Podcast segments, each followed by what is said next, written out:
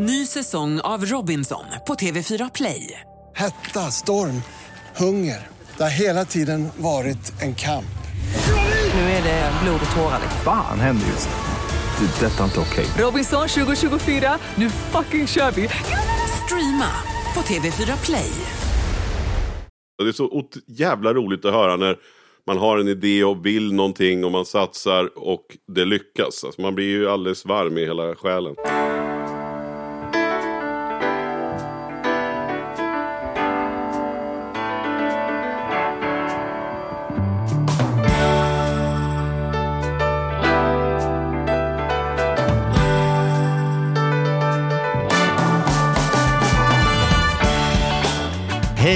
Välkomna till Ekonomi på riktigt med Charlie och Mattias. Det är jag som är Charlie, det är du som är Mattias. Visst är det väl så va? Det stämmer. Ja. Det stämmer. Jag du har ihåg- helt rätt i det. Jag kommer ihåg att jag åkte tåg eh, till, till, eh, och klev av på Nyköpings centralstation, skulle träffa dig. Och då var det någon som kom fram till mig och sa så här, men det är ju inte du som bor här. Det är ganska roligt att det på något sätt var okej att jag var i din sta- Hon var totalt förvirrad. Men det är ju inte du som bor här. Nej, det är den andra, men jag är här på besök. Nåväl. Men vi har koll på vem som är vem. som...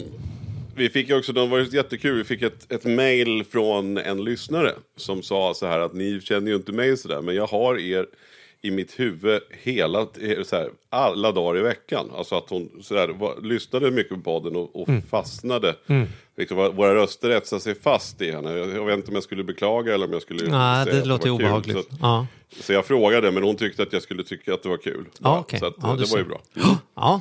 ja. Nej, Men, men du, eh, vad gör du nu då? Tittar du på Mello? Är du en Mello-kille? Det är du ju inte. Eller jag behöver inte fråga det. Jag vet ju att du inte är någon Mello-kille. Nej, men alltså, det där är ju komplext, va? för att jag är ju en Eurovision-kille av rang, att jag älskar eh, Eurovision. Har du sett Eurovision-filmen på Netflix förresten?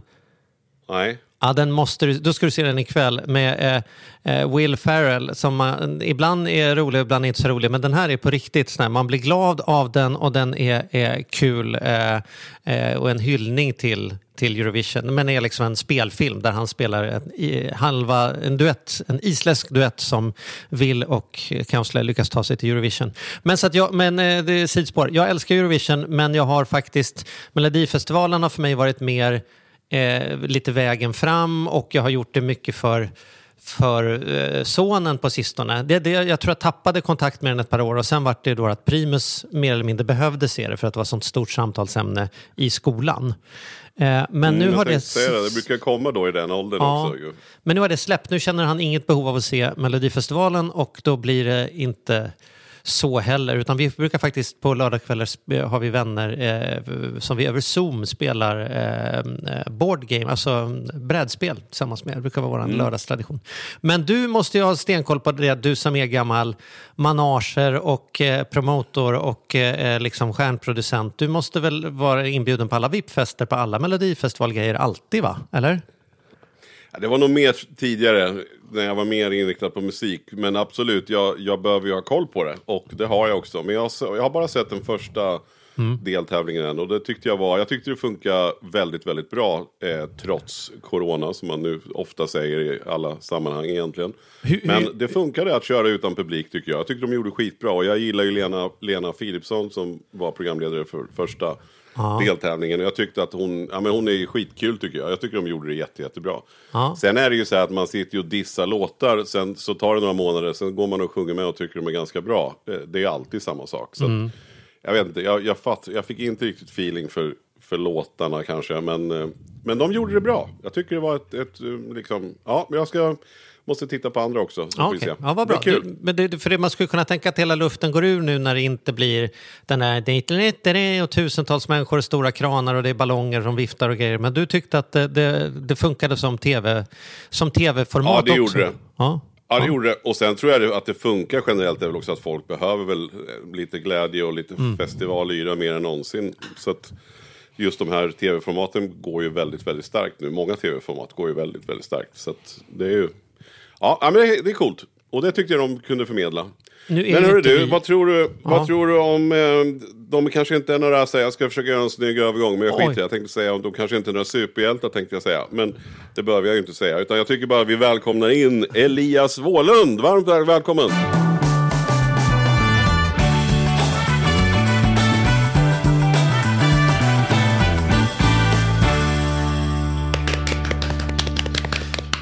Jag applåderar mig Hej, själv Elias. också. Ja. Tack så hemskt mycket. Det, var, det fanns ju en annan övergång som har varit någonting med målgruppen med barn här. Där Du hade redan inte- planerat en bättre övergång. Nej, men jag bara tänkte att det fanns där också. Men, men vi ska ta detta från början. Hjärtligt välkommen hit. Författare. Är det så att du säger författare själv? Om man frågar dig på stan så här, eh, "Jaha, vad jobbar du med? Säger du då, jag är författare? Ja, just nu så, så, så eh, vågar jag faktiskt kalla mig författare. Vad då just nu? Nej, men eh, jag har... Så här, jag, hela mitt liv har jag egentligen bara lekt runt och så har jag fått betalt för det. Ehm, både som skådespelare, cirkusartist och stuntman och allt möjligt. Så, här. Ehm, så, att, så att jag tycker att, ja, då är jag väl författare just nu då.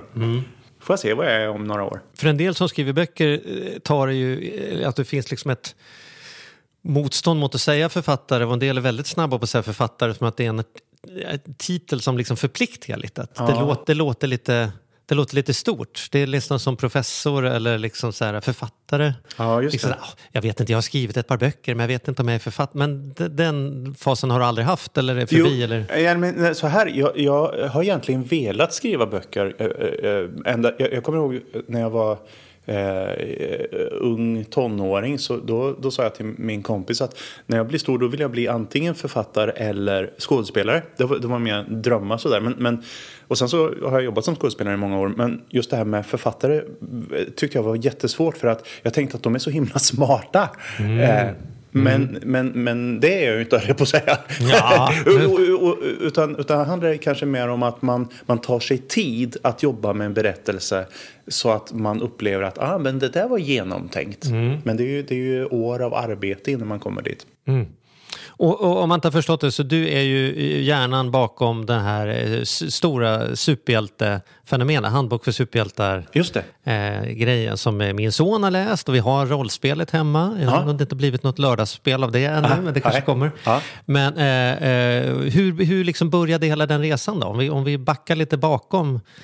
Hur, hur... Ja, och vi får väl inte, Charlie, du får ju inte, vi får inte bli så gubbiga nu så vi glömmer bort att det är väl tillsammans med, med din fru Elias också va? Nej, precis. Här kan vi inte sitta tre Nej. män och, och, och inte nämna henne. Absolut. Nej, eh, det är... eh, tror jag den, den absolut största anledningen till varför det har blivit en succé.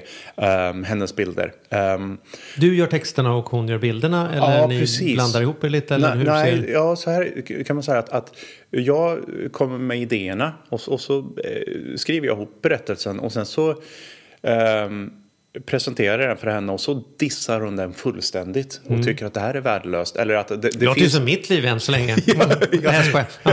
men, nej, men så, så, så, eh, så att sen säger hon att det här kan man göra bättre och det här får du skriva om men det här kan man nog behålla. Så hon får liksom en halv redaktörstjänst där kan man säga? Ja, eller? Mm. absolut. Hon, är, och hon är stenhård. Men, men jag tror att också det handlar om för att eh, sättet som vi jobbar med böckerna att, att göra en bok tar någonstans mellan sju och åtta månader för henne att illustrera. Mm. Eh, så att vi tänker lite på samma sätt som om man, man tänker sig att man ska göra en, en filminspelning. Så, så, så gör man ju, eh, eh, vad heter det? Eh, Storyboard. Storyboard, tack så hemskt mycket. Så, så gör du ju ett bildmanus till det.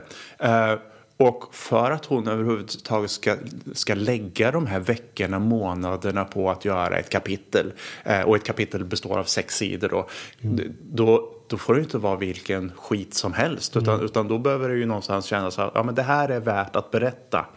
Ehm, så därför tror jag att eh, hon har rätt i att vara så hård som hon är. Ja, ja, ja. Ehm, ja, så, så så är det. Kanonbra. Men, men och hur började det då? Eller liksom från cirkusartist till författare på liksom... Ja, eh, på, på, på, så här, oj, jag vet inte hur, hur lång tid vi har riktigt och, och hur långt bak i. Men jag kan säga så här att när jag träffade Agnes då eh, då var jag, bodde jag egentligen i Bollywood i, i, i, i Mumbai i Indien. Eh, och så var jag bara hemma på somrarna och jobbade som, åh vad heter det nu då? Eh, teateransvarig eller vad man ska säga på, på High Chaparral. Så jag skrev och eh, regisserade föreställningarna där. Eh, och gav mig själv de bästa rollerna. Ja, men då kanske man har sett dig där. Bli Kanske. nedskjuten från något tak eller något. Ja, ja. säkert. Ja. Ehm, Så, så jag har sprungit omkring i sanden och luktat cowboy där. eh, Ja. Och, och sådär. Och då satt hon och, och illustrerade, eller hon satt och gjorde, ehm, eh, vad heter det, karikatyrer Ja. av människor. Och då tänkte jag, men du är ju bra på att rita och jag är bra på att berätta. Vi kanske skulle göra en, en, en berättelse ihop. Och då var hon helt säker på att jag stötte på henne. Ja. Eh, Hade hon någon poäng med det eller? kanske. Ja. Mm. Så, här, så här i efterhand kan man ju... ja, så, så här i efterhand. Ja. Eh, nej men så, så, så var det. Och, och sen så eh, blev vi tillsammans den sommaren och så tänkte jag att ja, men då kan vi ha lite kul här den här sommaren. Men sen så åker jag tillbaka till, till Indien. Ehm, eh, och- och sen så eh, på vägen till Indien så, så svängde jag förbi Warszawa där hon bodde. Eh, och eh, skulle bara hälsa på henne lite. Och då eh, sa hennes mamma som är, väger 55 kilo och är i toppform att vi kanske skulle ta och spela squash. Ehm, och det tyckte jag var en bra idé. Och jag som tidigare har varit ganska så vältränad men lagt på mig ett par kilo stack och spelade squash och eh, slet av mig hälsenan fullständigt. Jaså? Ja. Jag tänker att du skulle ta henne på räckvidd. eller? Ja, ja, precis. Nej, så det var kört. Så, Ja. att, så att jag hamnade med, med, med helgipsat ben och, och, och hälsena i, i deras soffa. I Warszawa? ja, i. Warszawa i, i en ganska så lång period. Och, och där lärde vi känna varann på riktigt, eller på att säga. Mm. Och, och sen efter det så ehm, försökte vi att sticka tillbaka till Indien eh, och, och, och börja där. Men det är lite svårare när man har två stycken utlänningar. Jag hade varit där i tre år och jobbat upp ett ganska så bra kontaktnät med olika eh, filmproducenter och, och sådär. Eh, och pitchade manus eh, och var på väg och liksom skulle, skulle börja filma och sådär.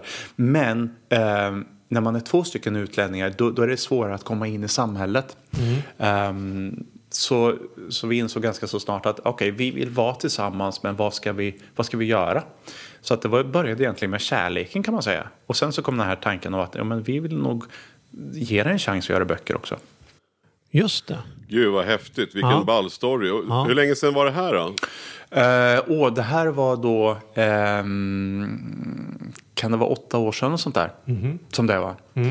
Det här vet jag sen vårt försnack när vi bryggde kaffe att de här årtalsgrejerna är inte din, lika lite din styrka som min. Nej, nej. Hur många veckor sedan var det? Jag vet inte riktigt. Förra veckan, ett år sedan. Ja, just det. Något sånt. Nej, men jag tror att det var nio år sedan ungefär. Eh, och sen så är nu bytte han Mattias från åtta till nio. Hörde du det? Nej, men, och, och, och sen är det frågan, eh, ska man köra den lite längre? Ja, men det, det, nu ska jag köra den här lite, lite längre eh, varianten. Och, och då är det så att eh, jag pitchade en story till, till Agnes som vi tänkte som en grafisk novell. Eh, som handlade om en gammal eh, ängel som hämtade själar hos folk som dog. Eh, och, och sen så blev han eh, utmanövrerad av en yngre kollega, eller vad man ska säga. Eh, så det var lite old cup, young cup story. Eh, och den jobbade vi på i nio månader. Och sen när vi tyckte att den var klar så och, och då, då bodde vi fortfarande i, i Warszawa. Eh, då åkte jag hit till Stockholm och pitchade den för ett förlag. Eh, och, eh, och han gillade, förlaget gillade jättemycket min pitch och min berättelse. Och de tyckte att Agnes bilder var ganska så bra också. Men de passade inte ihop. Min berättelse var för en mycket äldre åldersgrupp och Agnes bilder var för en mycket yngre åldersgrupp kan man säga. Ehm, så, så då, efter det mötet så bröt vi ihop eh, och jag åkte till systemet och handlade jättemycket alkohol. Eh, och, så, eh, och så köpte vi jättemycket godis, eller köpte mycket godis, chips och en himla massa alkohol. Och sen så däckade vi ihop egentligen i två dagar. Eh, och sen efter det så pitchade jag den här nya berättelsen då eh, som var Handbok för superhjältar. Så så var det. Så var det. Jag fattar. Wow, vad häftigt. Och- Men, men nu då, nu, nu när ni har när ni har det här track recordet som ni har, hur många böcker har det blivit nu med superhjältarna? Eh, nu eh, har precis del 6 kommit ut. Eh, Men, men det var ju så här, det var ju också för att göra den jätte- jättesnabbt så jag pitchade den idén till henne och då säger Agnes att direkt när hon hörde den, vi satt på ett café så kände hon det här, varför har du inte sagt det här tidigare? Ja. För att det här är... Så är det ett förhållande. Man kommer med en bra idé, ingen som säger vilken bra idé, utan man får varför har du inte sagt det här tidigare? ja, precis. Nej, så så hon, hon säger att hon fick den här lite Harry Potter-känslan att det här är, eh, kan bli väldigt bra. Ehm, och och ehm, det är någonting som man känner igen fast det är en ny version av det. Och sådär. Så hon gick igång på det fullständigt. Men om man inte läst böckerna, hur lät den pitchen då? Om man snabbt förklarar, vad är, vad är det vi får möta? Snabbt så eh, handlar det om en ung tjej, en nioårig tjej som heter Lisa eh, som flyttar till en ny stad. Eh, och i den här nya staden så, och den nya skolan så blir hon mobbad av tre stycken killar. Eh, och hon har ett helvete under den här första perioden i den nya eh, staden, nya skolan. Men en dag när hon gömmer sig inne på ett bibliotek så finner hon en handbok för superhjältar. Och hon vet ju naturligtvis att det inte finns några superhjältar på riktigt. Men det är ändå lite intressant så hon öppnar upp boken och i den boken så finns det 101 stycken olika superkrafter som är väldigt, väldigt detaljerat beskrivna. Så att hon inser ju att, att, att det här är...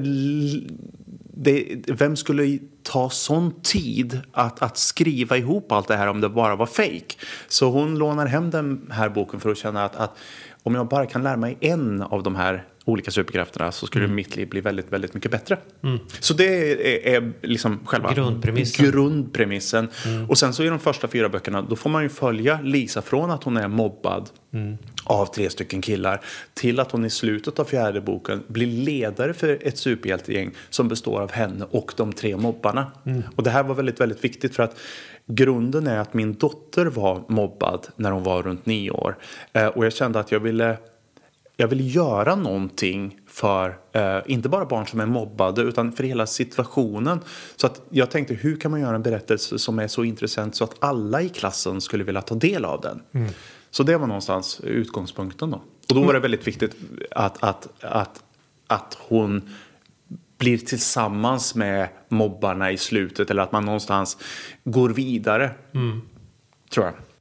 Men det här är, ja, det, det, är ju skrivet för barn var det liksom... Hur var det? Var det som ett självklart... Eh, eller var, var det liksom en process? Eller så, var, är det lättare att skriva för någon som är annorlunda än man själv är? Eller är det svårare? Alltså, så här, om jag tänker så här, jag ska skriva en bok någon gång. Ja. har jag ju på min lista, ja. skriva även en skönlitterär bok. Mm. Och då tänker jag ju spontant att jag ska skriva en bok som jag själv vill läsa. Ja. jag har ju läst och njutit av dina böcker också, men det är ju inte målgrupp på det sättet. Nej. Också, så här, och du är ju inte heller målgrupp för dina egna böcker. Liksom. Nej, ja, precis. Jag, jag, jag, man, jag, har blivit, jag har blivit inbjuden till olika sådana här seminarium och, och, man ska hålla i olika föredrag. Och då vid något tillfälle så blev jag inbjuden för att prata om hur man skriver eh, starka kvinnoporträtt mm. Och det var ju bra betalt så det är klart att jag sa ja till det. Ja. Men, men, men då, då, kände jag att, att jag sa det till dem, men, men det är egentligen en ganska så fånig fråga hur man skriver eh, starka kvinnoporträtt, eller man ska säga, starka eh, tjejkaraktärer och sånt. Det är ju egentligen bara att om man tar det på allvar så, eh, så, så satsar man ju på att, att, att man ska liksom lära känna karaktären och så vidare. För mig så handlar det inte om manligt och kvinnligt, utan för mig handlar det väldigt mycket om, om eh, individen istället. Inte om könet. Mm. Eh, ja, det var ju inte alls frågan. Men, eh, men jag, jag kan inte låta bli att, att, tänka på den här första berättelsen som ni hade jobbat med i nio månader. Eh, jag tänker ju gärna stå så här nu när ni har etablerat er. Eh, det skulle inte gå... Alltså, Damma av den. Eh, jag, vet, jag ser väl ekonomin i det. Jag tänker nu när ni har den där storyn. Eller har den blivit inbakad i superhjälteböckerna? Eller, Nej. eller vad ska ni göra med den då? Um, jag tror så här att jag har gått ett antal olika sådana här eh, skrivarutbildningar, manusutbildningar, film och tv-serie, eh, manusgrejer eh, eh, under ett, ett, par år. Och, ehm, jag är van att, att, att, att, komma på berättelser.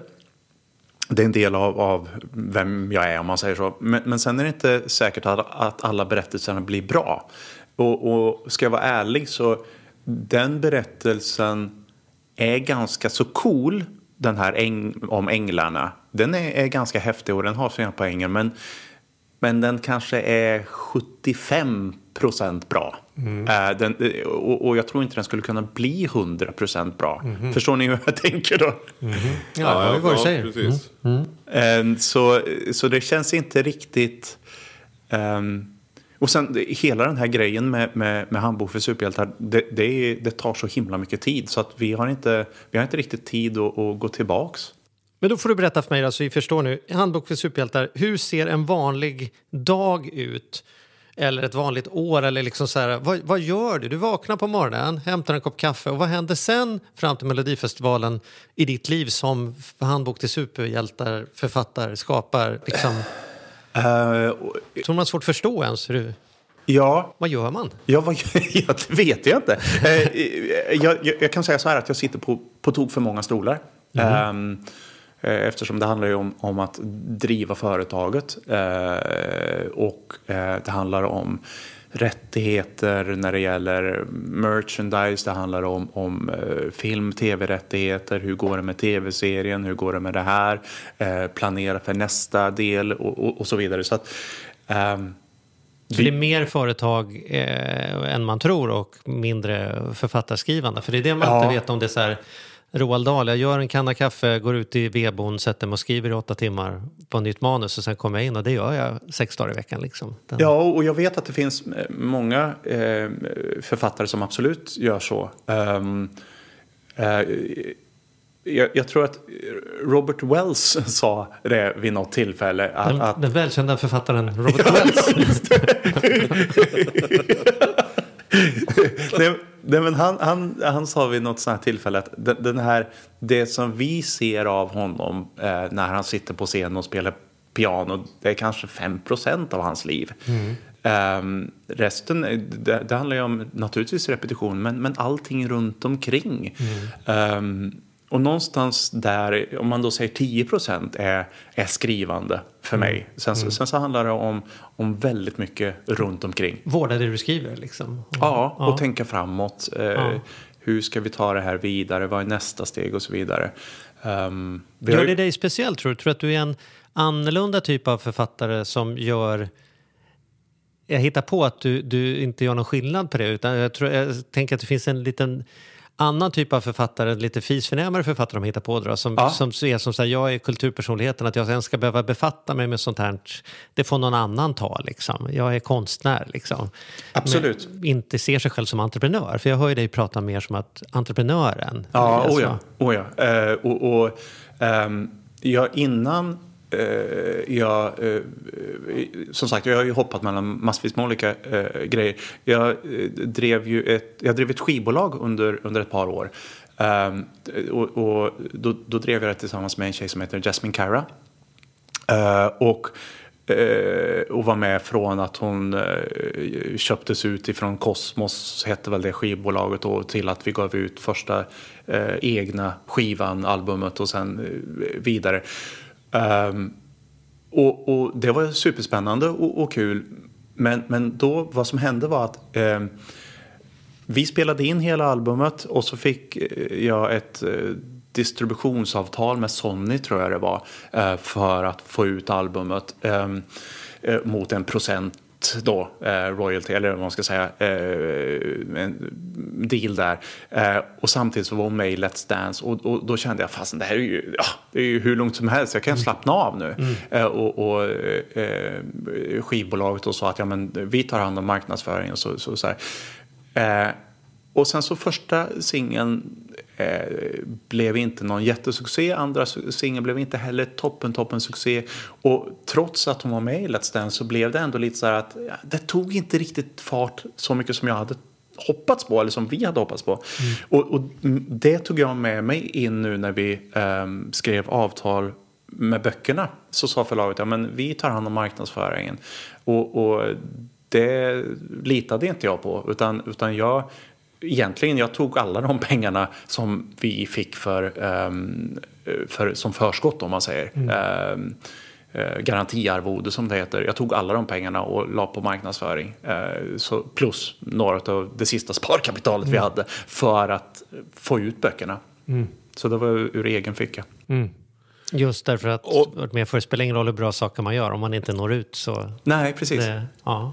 Vad tänkte du säga? Nej, och på tal på det här så tänker jag nu, för, för nu när man har ett, ett gäng, för ofta fungerar det ju så i förlagsvägen och, och bokvärlden att man, man får ett förskott och sen så kan man jobba med boken och sen så släpps den och i bästa fall säljer den bra och då kan man få ett nytt förskott.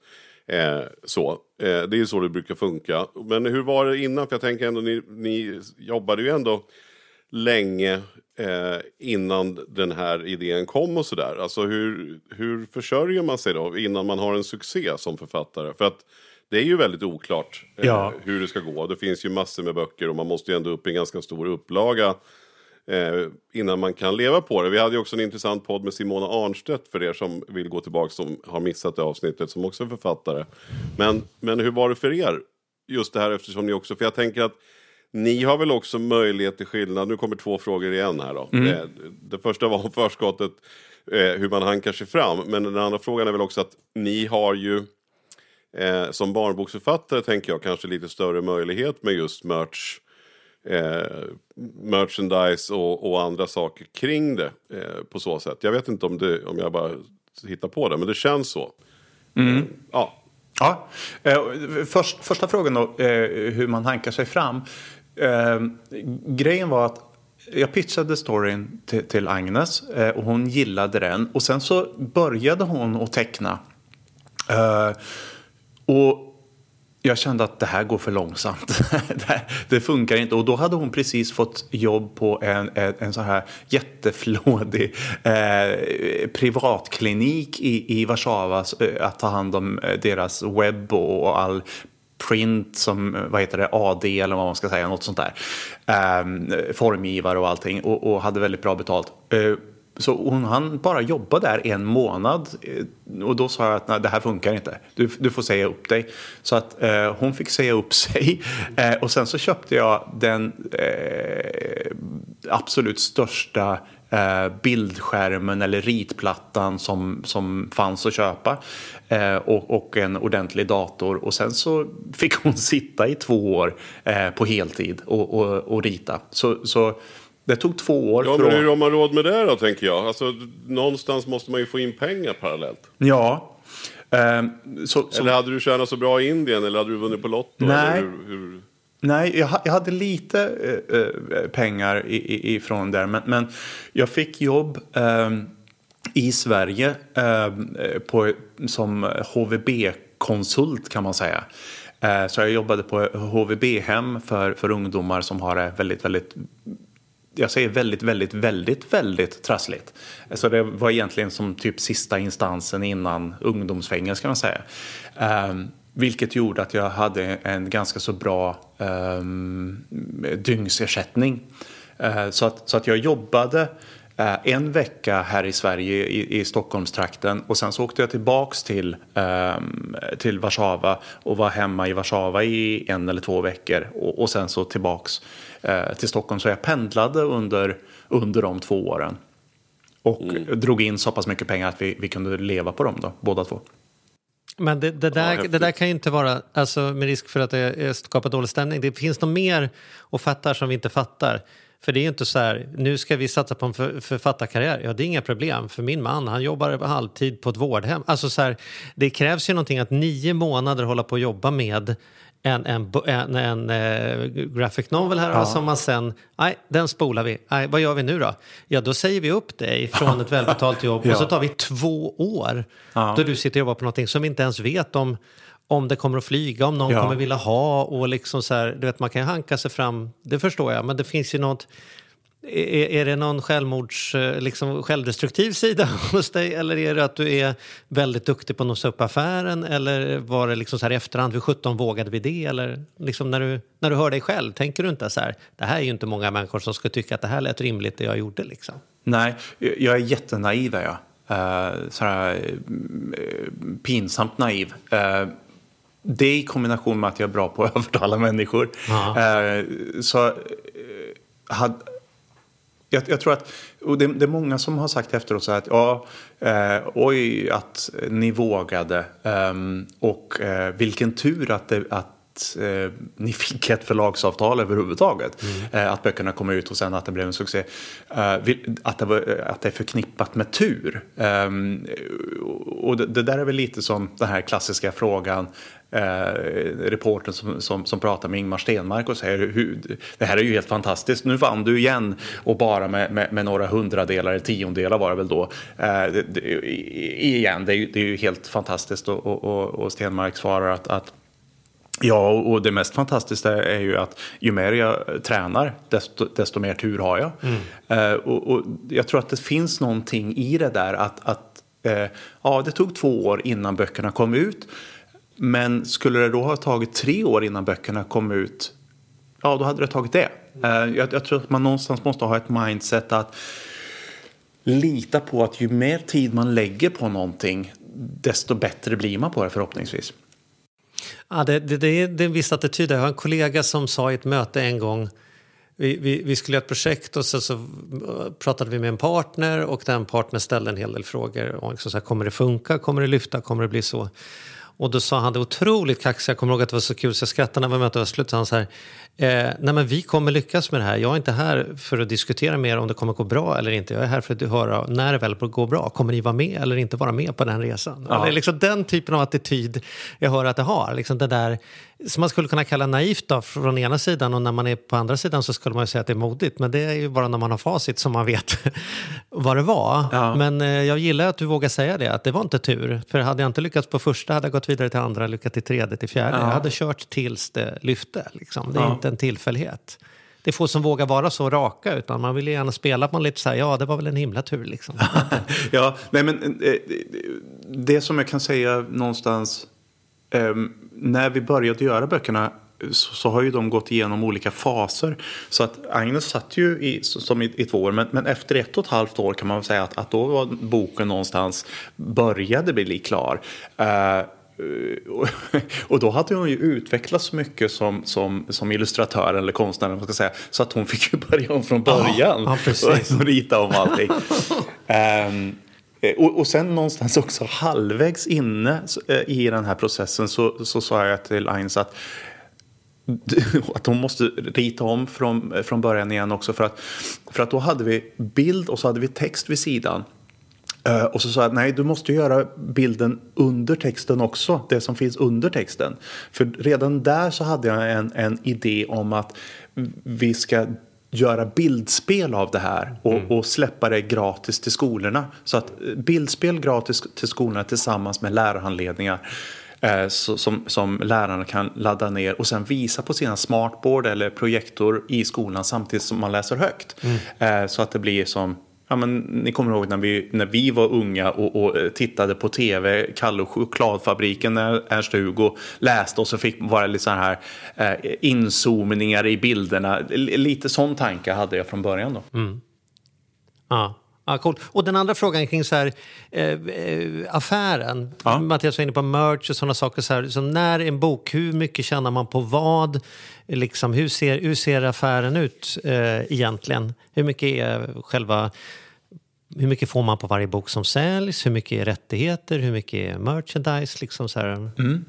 Eh, hittills har vi, har vi inte gjort i princip någonting av merchandise. Nu har vi i princip, bara för ett par dagar sedan så, så öppnade vi upp eh, webbshoppen på handbokförsuperhjältar.se och, och, och där, man, där vi säljer t-shirts då.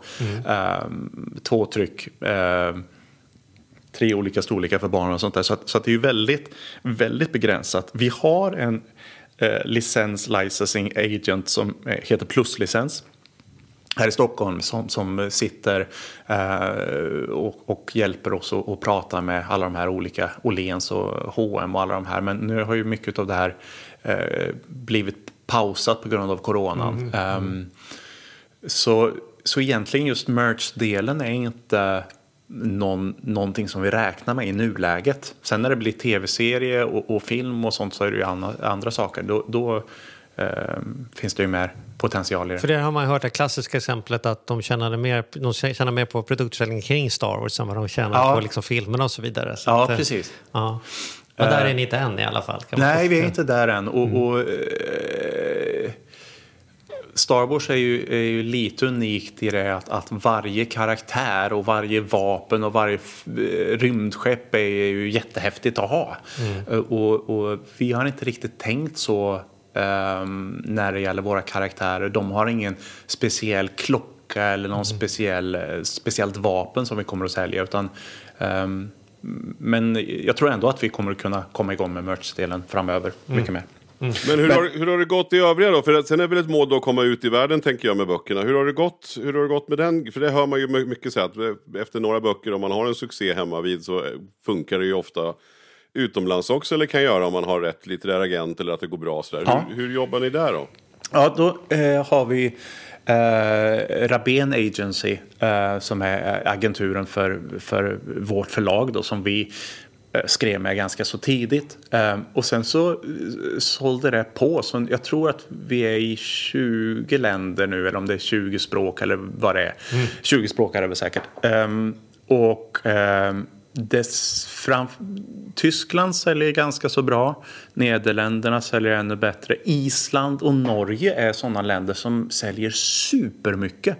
Så mm, varje gång som en ny bok kommer ut så är det den mest sålda boken är inte bland barnböcker utan mest sålda boken på hela Island faktiskt. Så att där har vi blivit eh, jättestora, big in Japan ungefär.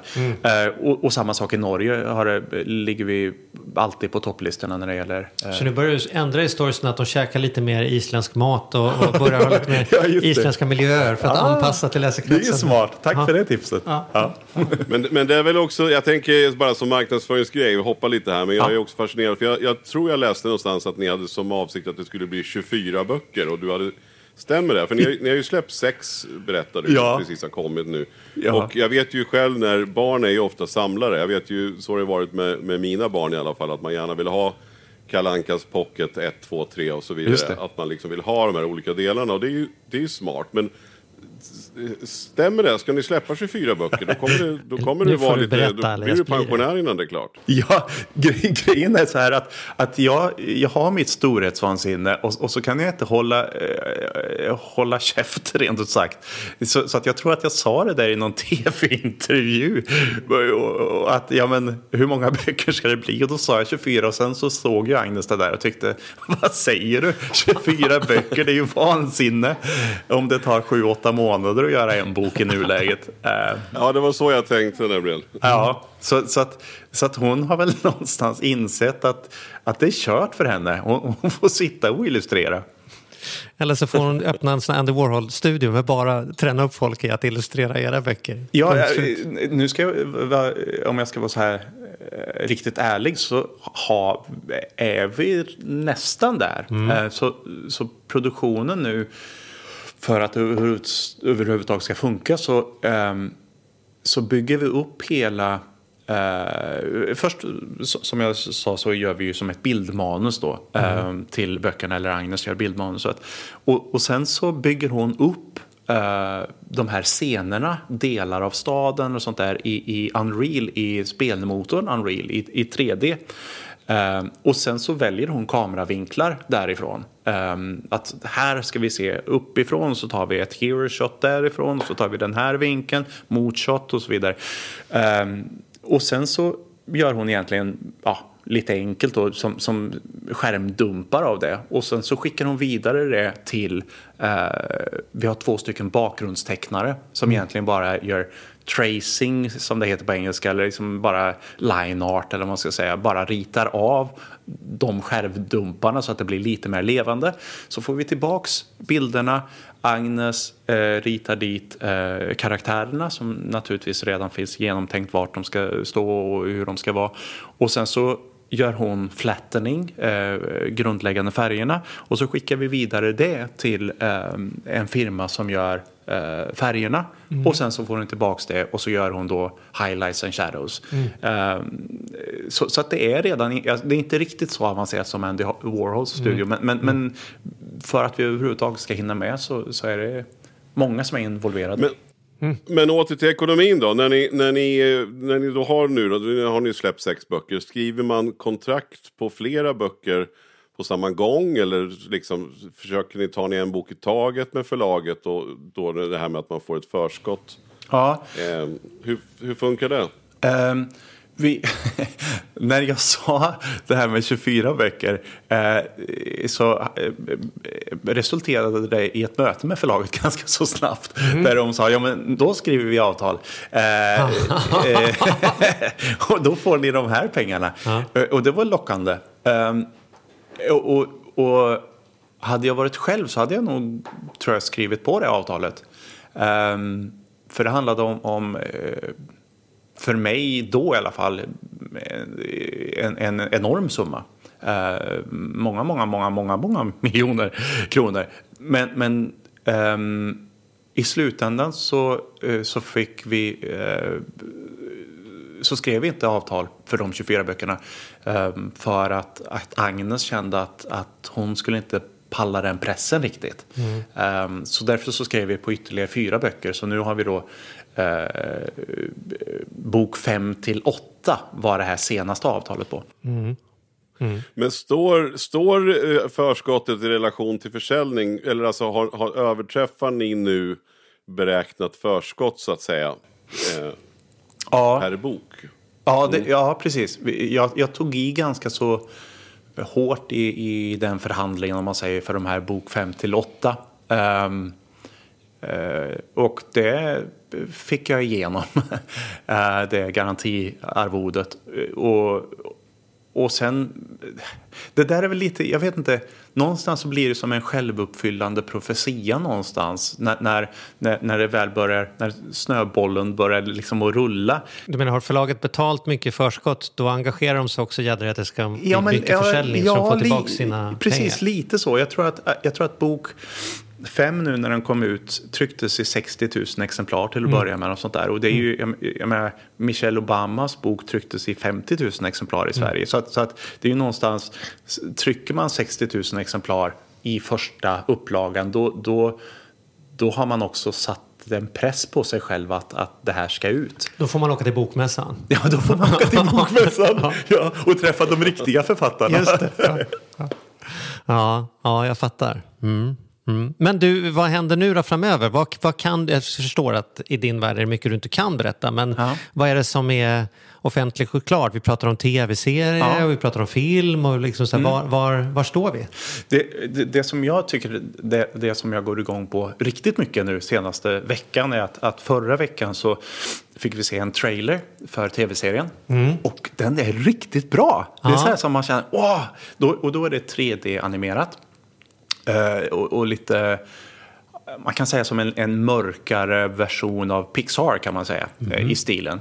Eh, och den tv-serien, första säsongen då är baserad på de första fyra böckerna. Eh, och, eh, och ehm, producent, medproducent är en kille som heter Charles B. Wessler som tidigare har, eh, du pratade om Pharrell, eller ni pratade om Pharrell, eh, och han, Charles, har varit med och, och producerat deras filmer under många år.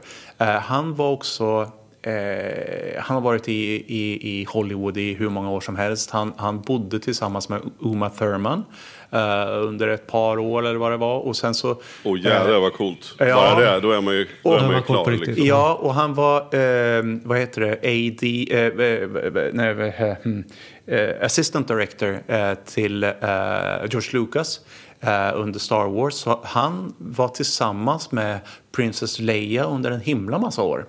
Carrie Fisher heter hon väl. Ehm, och Eh, och sen så, och, och det, roliga det här då hur, hur stjärnorna ibland står rätt. Eh, vi sålde rättigheterna till eh, ett svenskt bolag ehm, eh, och Patrik då som äger det här eh, bolaget Stiller Studios.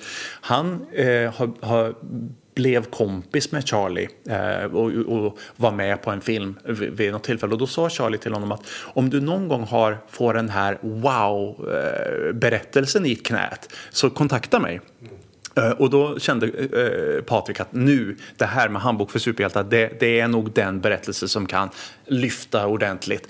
Och, och samtidigt då så gick eh, Charlie och vann en Oscar för The Green Book eh, som producent. Och det är, ju, ja, det är ju bland det största man kan göra. Liksom. Och det var är det då två år sedan. Ehm, eh, och, eh, så det var ju så här, wow, häftigt, då har vi Charlie med på tåget. Och nu förra veckan så hade eh, Charlie premiär på sin senaste film som heter Palmer med eh, Justin Timberlake i huvudrollen. Och den är också så här lite eh, Oscars-tippad. Eh, eh, nu vet jag inte om den går vidare och vinner Oscar, men, men Charlie är just nu i ett läge där alla vill ha honom. Och han har jobbat med oss då, eller med, med den här tv-serien det senaste året, drygt ett och ett halvt åren. Så, så att, ja, det känns som att vi har Det någonting helt, på du, gång. du är ju så, du är så ödmjuk. Det här är ju hur stort som helst ju. Ja, det är det ju är fantastiskt. Ja, visst är det. Ja. Det är supercoolt. Ja. Men när kommer man få se det då? Du har sett trailern, det hjälper ju inte mig. När får jag? När, när, Ja, precis. när är det dags? Ja, när är det dags? Nu håller eh, jag, och här måste jag ju försöka och, och, och akta mig så jag inte säger för mycket. Men, men, 24 tv-serier! eh, nej, men eh, den, den kommer, eh, den är ju i förproduktion. Ehm, och eh, Charlie får sin andra coronaspruta nu eh, i USA och, och sen så är det väl två veckor innan han får komma hit. Men så, så han är på väg eh, att komma hit för att och jobba mer intensivt då med produktionen. Så att eh, ett år eller ett och ett halvt år från nu så ska första säsongen vara klar.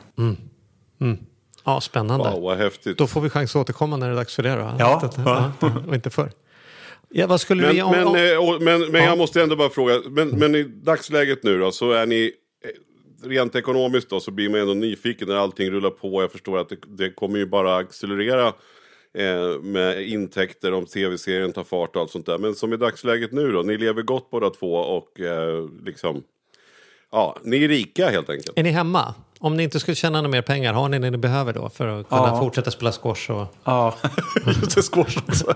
Nej, men, ja, men det är vi absolut. Ehm, och, och det, jag vet inte, det här kommer ju att låta som jättelyxproblem. Men, eh, men jag hade supersvårt att, att, att, att greppa det där att, att det bara trillade in pengar. Eh, i, I början var det jättehäftigt. Och det känns wow, och nu sattes det in ytterligare en miljon på kontot ungefär. Eh, Och det känns jätte eh, spännande och, och, och fräsigt.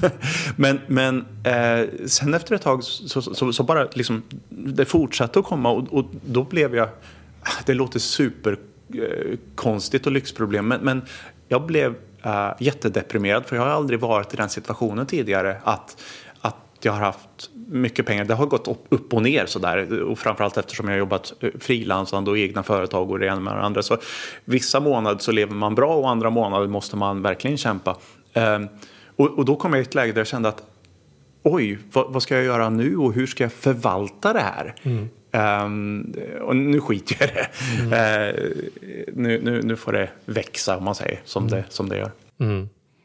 Det där är ju, är ju vanligt. Det finns ju sådana undersökningar som visar att människor som vinner en miljon eller mer, hur de inom två år har gjort av med de pengarna och eh, liksom med råge och har istället större skulder. Majoriteten. Just därför att vi har en finansiell identitet. Ungefär så här, vad är jag värd? Hur mycket pengar ska en sån som jag ha? Och när Ja. det fuckas upp, då är det liksom som en identitetskris. Man kan ju tycka att det spelar väl ingen roll. Jag är väl samma person om jag har pengar på kontot eller inte. Men det händer någonting konstigt tydligen när man blir som. Det Ja. där, eller konstigt får väl någon annan bedöma, men det, det, du har inte varit ensam i alla fall om att bli deprimerad av, av eh, att eh, den finansiella frågan är löst. För de flesta vaknar upp och har väldigt tydligt vad vi ska göra eftersom, Ja. eftersom vi har de finansiella begränsningar vi har. När vi helt plötsligt kan göra vad som helst, då kan det nästan bli som en livskris i sig själv. Okej, så vad vill jag då göra när jag inte längre behöver ens ställa mig frågan? Ja.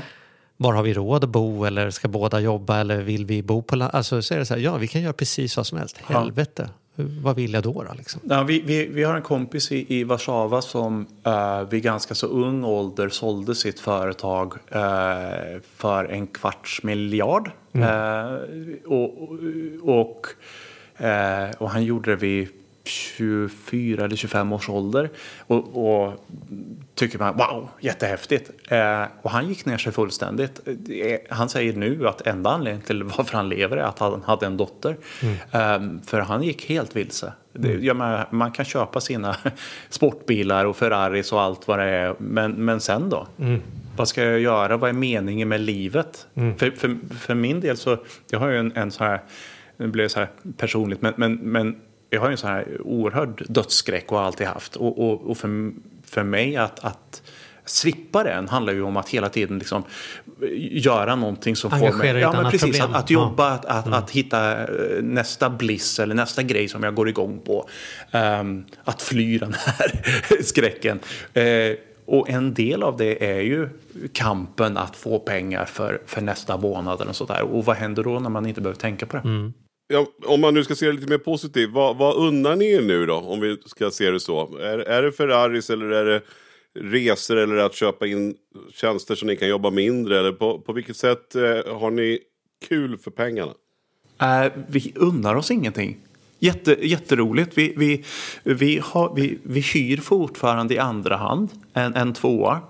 Uh, vi har inte eh, nu har vi precis för, för två veckor sedan fått tillökning så vi har fått en son. Grattis! Ja, men tack så mycket. Grattis, Eh, och- grattis. Ja, tack. Eh, och då har jag en liten Mini Cooper, eller vi har en liten Mini Cooper, en, en tvådörrars. Och det är jättekrångligt att komma in i baksätet med, med bilbarnstolen. Men vi har inte riktigt eh, tagit tag i att köpa en ny bil- bil. Eh, och, och någonstans så, så känns det att ja, vi, får, vi, vi kämpar på ett tag till. Ehm, Vad, men vad, vad handlar det om då? För det låter ju konstigt när du säger det. Vi har problem Ja. med att komma in i bilen och jag har alla pengar jag behöver. Men Ja. jag går inte bara ner och säger så här, vet du vad, den här bilen vore mer praktisk. Ja. Är det som att du låtsas att du inte har pengarna? Eller inte Nej, riktigt orkar ta inte. in det? Eller? Nej, jag vet inte. Ehm, jag, har, jag har ingen aning faktiskt. Det, det, eh, Men jag, varför köper ni inte en lägenhet då till exempel? Alltså, eh, ja, varför gör vi inte det? Eh, just så här. Jag, Elias, du behöver hjälp jag. har ni någon bra psykolog? Ja. Vi kan göra en omvänd Lyxfällan. Vi får hjälpa dig så här. Nu åker vi till BMW i eftermiddag och därmed bums. nu, ja, nu har vi den här tavlan Ja, här. Du ja. har ju hur mycket pengar som helst kvar Ja, i, i slutet av månaden. Var ska vi ha alla pengar Ja, någonstans? Du får ta lite sms-lån tycker Ja, jag. Eh, nej, men Nytt uppdrag. Eh, Jag, jag kan säga så här att, att Eh, innan coronan så, så började jag investera lite pengar i aktier. Ehm, och sen så kom ju coronan och dippen eh, och eh, jag såg hur innehavet eh, i princip halverades på, på ett par veckor. Och sen så, och då har jag ju ändå läst på lite om, om, om, om, om aktiehandel och läst de här klassiska böckerna. Ehm, och, och ehm, har DI och sådär. Och, och det här som man alltid hör, när det känns för jävligt och när det känns som att det gör som allra ondast, det är då du ska investera mer. Så att jag gjorde det. Och sen så när det vände så har det ju, har det ju ja, vi är ju fortfarande i en ganska så bra uppåttrend. Vilket gör att, att just nu så, ehm, så, så, så har det blivit mer aktier för det hela eh, än att vi köper hus. Ehm, så, ja, så men det- just därför så borde ni väl, om de, till och med aktierna går bra, det är inte nog med att ni tjänar så bra på skrivande, sen går aktierna bra, då finns väl ingen anledning att inte unna sig mer grejer. Nej, ja, fast, fast eh, vad, ja, jag vet inte. Ehm, Det är intressant, det är som, som Charlie sa, vad handlar det om egentligen? ja, jag vet inte. Jag vet Nej, men för den saken var, jag går inte igång på att ha några villor med pooler och grejer. Så här, det kan man ju förstå, men när det är som att du genuint säger, vi har problem att få in sonen i ba- baksätet, men ändå inte trilla ner och hämta en bil med bättre baksäte då. då. Det, det, är ju, det är ju nästan märkligt då. Ja, undrar om det inte... Om, vad roligt! Ni får verkligen ge mig numret till den här psykologen. Nej, men, men jag, tror att, jag tror att det har eh, kanske med... Om jag kommer tillbaka till mitt storhetsvansinne då. Att, att, eh, att jag vill egentligen... Jag ser framför mig eh, ett, ett drömhus eh, som ligger eh, centralt i, i Stockholm eller vad man ska säga eh, Värmdö eller liknande med, eh, med egen eh, närhet till havet eller vattnet om man säger. Och, och, och ska man ha det samtidigt som närheten till Stockholm då, då handlar det om väldigt, väldigt mycket pengar. Ehm, och, så att någonstans så känner jag att ja, men vi kanske kan kan spara lite mer pengar eh, och, och, och lägga lite mer pengar på aktier och, sen förhoppningsvis om allting funkar att det fortsätter att växa då. Och att man sen om, om fyra, fem år unnar sig något, något större. Jag tycker det låter, låter väl helt sunt och det är väl inte så att man behöver köpa saker och man blir inte lyckligare av det. Men, men det är klart att Mini Cooper där med två dörrar, där, där kanske gränsen ändå går i någon slags liksom, rimlighet. Men, ja, men det är fascinerande. Och då, och då är otroligt- Mattias och jag båda gamla Mini Cooper-ägare och glada och stolta sådana. Så vi har ingen diss på Mini Cooper, tvärtom. Nej, verkligen inte. Bil. Men kanske inte barnfamiljsbilen nummer ett. Du kan byta upp en Clubman i alla fall så du får en bakdörr där. Ja. Ja. Men otroligt intressant måste jag säga. Vi Ja. får väl se då, vi får väl, alltså vi, vi får ju all anledning att återkomma, inte minst när tv-serien kommer. Hoppas, hoppas, hoppas att du har chans och möjlighet att komma till oss igen. Ja. Och så får vi väl höra om det har blivit någon ny bil och om det har blivit någon ordning på investeringarna. Eller på nöjena kanske man ska säga. Ja. Precis. Det, vi kan väl bestämma att när du köper bil så ringer du oss och säger nu har jag köpt bil. Bra, bra, kom hit, nu, nu behöver vi podda om. Ja, då, då, då kan jag komma och burna utanför er.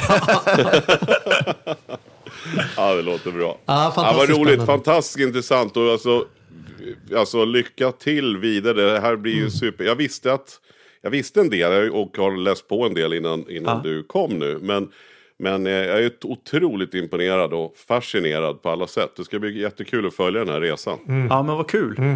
Ja, to be continued. Ja. Och så får du hälsa Agnes så mycket också. Ja. Det ska jag absolut göra. Och det, det var superkul att få, eh, få, få komma hit och, och, och få prata med er. Det känns eh, som att vara hemma. ja, det är det vi vill Ja, höra. vad härligt. Ja, det är så det ska vara. Vad härligt. Ja. Ja, tack för idag och ni som lyssnade hoppas ni känner er hemma också. Vi eh, kommer med en ny, ny eh, omgång redan om en vecka va Mattias? Ja, det har vi garanterat. Ja, ja då jädrar. Mm. Eh, Supertack Elias för att du kom. Vi Tack. hörs om en vecka. Bug och bock.